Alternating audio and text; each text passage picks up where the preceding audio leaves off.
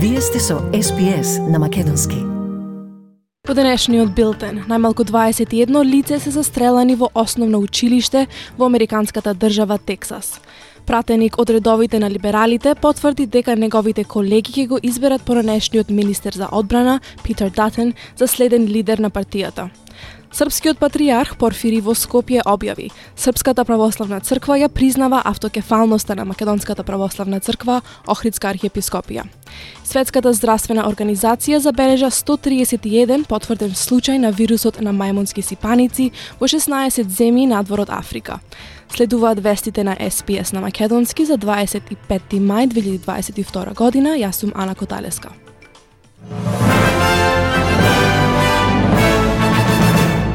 Најмалку 21 лице, меѓу кои 18 ученици, се застрелани во основно училиште во американската држава Тексас. Вооружениот напаѓач отвори оган во основното училиште Роб во градот Ювалди, Јужен Тексас, близко до границата со Мексико. Стрелал и на двајца полицајци кои не биле сериозно повредени. Вооружениот напаѓач е идентификуван како локален жител и поранешен ученик во училиштето, 18 годишниот Салвадор Рамос, кој беше застрелан од полицијата. Се разбира дека мажот ја застрелал и својата баба пред да оди во училиштето вооружен со пиштол и пушка. Последното масовно пукање во земјата се случи пред помалку од две недели, кога 10 афроамериканци беа убиени во супермаркет во Бафало, Нью Йорк. Гувернерот на Тексас, Грег Абет, вели дека злосторството е неразбирливо. When parents drop their kids off at school, they have every expectation to, be, to know that they're going to be able to pick their child up when that school day ends. And there are families who are in mourning right now, and the state of Texas is in mourning with them for the reality that these parents are not going to be able to pick up their children. Председателот на Соединетите Американски држави Џо Бајден и се обрати на нацијата по последното масивно пукање во земјата, велики дека законите за оружје мора да се поправат. Во емотивното обраќање, председателот Џо Бајден рече дека повеќето американци ја поддржуваат промената на законите за оружје и дека е време избраните функционери да се спротистават на лобито за оружје. Why are we willing to live with this carnage? Why do we keep letting this happen? Where in God's name is our backbone to have the courage to deal with it and stand up to the lobbies? It's time to turn this pain into action for every parent, for every citizen in this country. We have to make it clear to every elected official in this country it's time to act. Пребројувањето на гласовите од изборите во саботата продолжува, а лабористите се ближат се поблиску до освојувањето на мнозинска влада, за која се потребни најмалку 76 места. Од преостанатите места, лабористите водат во, во електоратот во Брисбен, додека либералите водат во Гилмор, во Нов Южен Велс и Дикен во Викторија. Со ова конечниот исход на гласовите ќе биде 76 места за лабористите, со 61 место за коалицијата и 3 за зелените. Во Сенатот, коалицијата е на пат да освои 30 места и 25 за лабористите, што значи дека од јули новата влада ќе се потребни 14 дополнителни гласови во горниот дом за да усвои нови закони. Лидерот на една нација, Полин Хансен, се очекува да го задржи местото во Сенатот за Квинсленд, но милиардерот Клайв Пама нема да го добие местото во Сенатот. Пратеник од редовите на либералите потврди дека неговите колеги го изберат поранешниот министер за одбрана Питер Датен без противење за следен лидер на партијата. Пратеничката од No Fusion Wells, Сюзен Лей, најверојатно ќе стане следниот заменик председател по големата изборна загуба на партијата во текот на предходниот викенд. Господин Датен беше фаворит за највисокото место на партијата, но постои загриженост дека нема да ги привлече прогресивните гласачи кои ги напуштија либералите и наместо гласаа за независните, зелените и лабористите. Поранешната претеничка на либералите од Квинсленд и поранешна министерка за внатрешни работи, Карен Андрюс, изјави за ABC дека главната работа на новите лидери на партијата ќе биде да ја обноват либералната партија. We need to rebuild right across Australia. Uh, Queensland took a, a, hit, some of the other states took a significant uh, hit, and we need to go back to our values, our principles, look closely at what has happened, but we need to Премиерот Антони Албенизи се враќа од Токио по состанокот на Алијансата Квад во неговата прва улога како премиер. Господин Албенизи го имаше своето деби на светската сцена по само неколку часа од како положи заклетва како 31-виот премиер на Австралија, на состанокот со, со лидерите на САД, Јапонија и Индија, на состанокот на дипломатскиот сојуз. За време на кратката посета, господин Албанезе вети поголема странска помош за нациите на Пацификот, нагласувајќи дека Австралија ќе преземе поголема акција во борбата против климатските промени. Говорејќи на аеродромот непосредно пред летот од Токио, господин Албанезе рече дека новата позиција на Австралија за климатските промени била добре дојдена од партнерите на Квад. Uh, there are many consistencies in Australia's national security positions uh, but there are some differences uh, with the former Australian government, particularly when it comes to climate change. And the new government that I lead's position was welcomed by the leaders of the United States, Japan, and India, and I look forward uh, to going forward and building those relationships. Господин Албанизи вели дека добил порака од лидерите да ги посети Соединетите Американски држави и Индија, додека Австралија е потврдена како домакин на друг состанок на Квад наредната година. Има повици вакцината против грип да биде бесплатна за сите, додека случаите продолжуваат да се зголемуваат низ целата земја. Квинсленд веќе обезбедува бесплатни вакцини против грипот како дел од превентивен план против вирусот, каде случаите на грипот А во државата се веќе зголемени двократно од оние идентификувани минатата недела. Министерот за здравство на Нов Южен Велс, Брад Хазард, потврди дека размислува за истиот потек.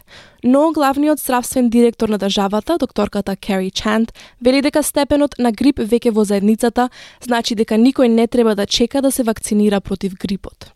The flu season's kicked off early.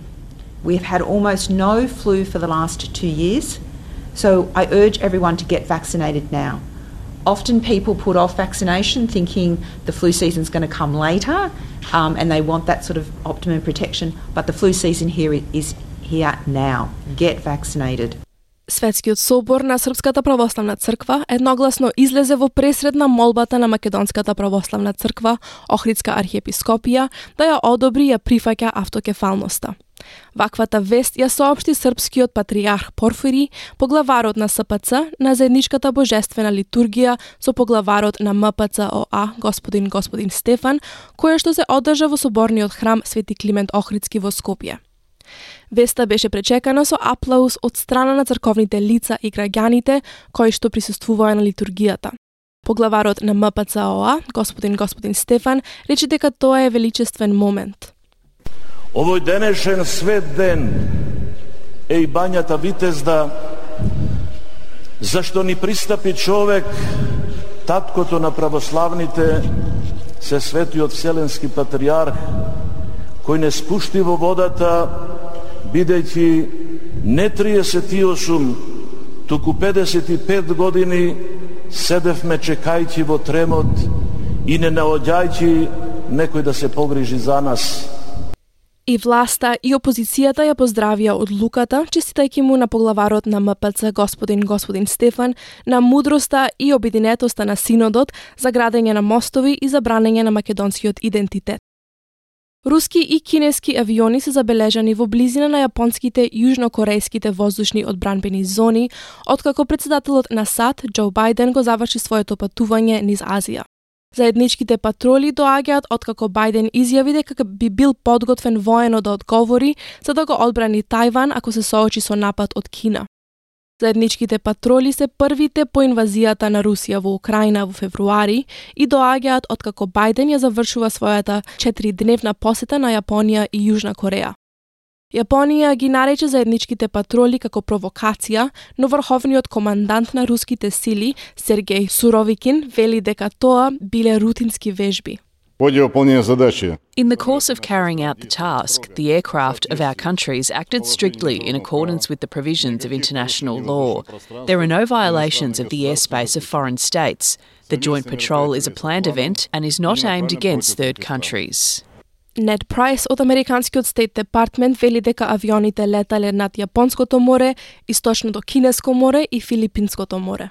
This exercise was likely planned well in advance by both countries. uh, and Beijing's decision to cooperate with Moscow in this way amid Russia's further inv- invasion of Ukraine and the Kremlin's dangerous nuclear rhetoric uh, demonstrates the quote unquote no limits partnerships that they talked about in their uh, joint communique uh, is uh, quite alive and well. Светската здравствена организација забележа 131 потврден случај на вирусот на мајмунска сипаница во 16 земји надвор од Африка. 106 случаи пријавени од 7 мај се се уште сомнителни, кога болеста прво беше забележана надвор од африканските земји, каде што обично се наоѓа. Светската здравствена организација вели дека ризикот за пошироката јавност останува низок и појавата се уште може да се ограничи. Доктор Розамен Луес од програмата за итни случаи на Светската здравствена организација вели дека преносот може да биде предизвикан од промената во човековото однесување. Most of the animals that are susceptible to monkeypox are in fact rodents. Um, Gambian giant pouch rats, dormice, prairie dogs. Uh, those are the types of animals from which there may be spillover a zoonotic spillover from animals into people who may be going into the forest or who may be um, coming into contact with the virus through a zoonotic route.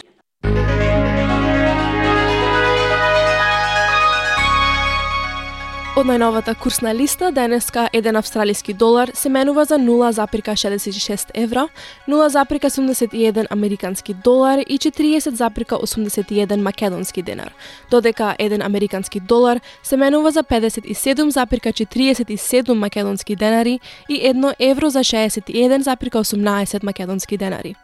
И за временската прогноза за главните градови за утре, четврток, 26 мај, во Перт претежно сончево со 23 степени, во Аделаид слаб повремен дожд со 19 степени, во Мелбурн врнежливо со 17 степени, во Хобарт слаб повремен дожд со 16 степени, во Канбера делумно облачно со 17 степени и во Сиднеј делумно облачно со максималната до 21 степен, во Брисбен врнежливо со 21 степен, во Дарвен сончево со 33 и во Алис Спрингс сончево со, со максималната до 26 степен.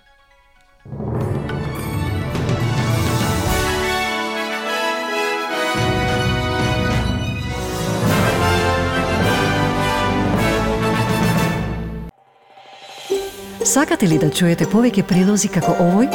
Слушате подкаст преку Apple Podcasts, Google Podcasts, Spotify или од каде и да ги добивате вашите подкасти.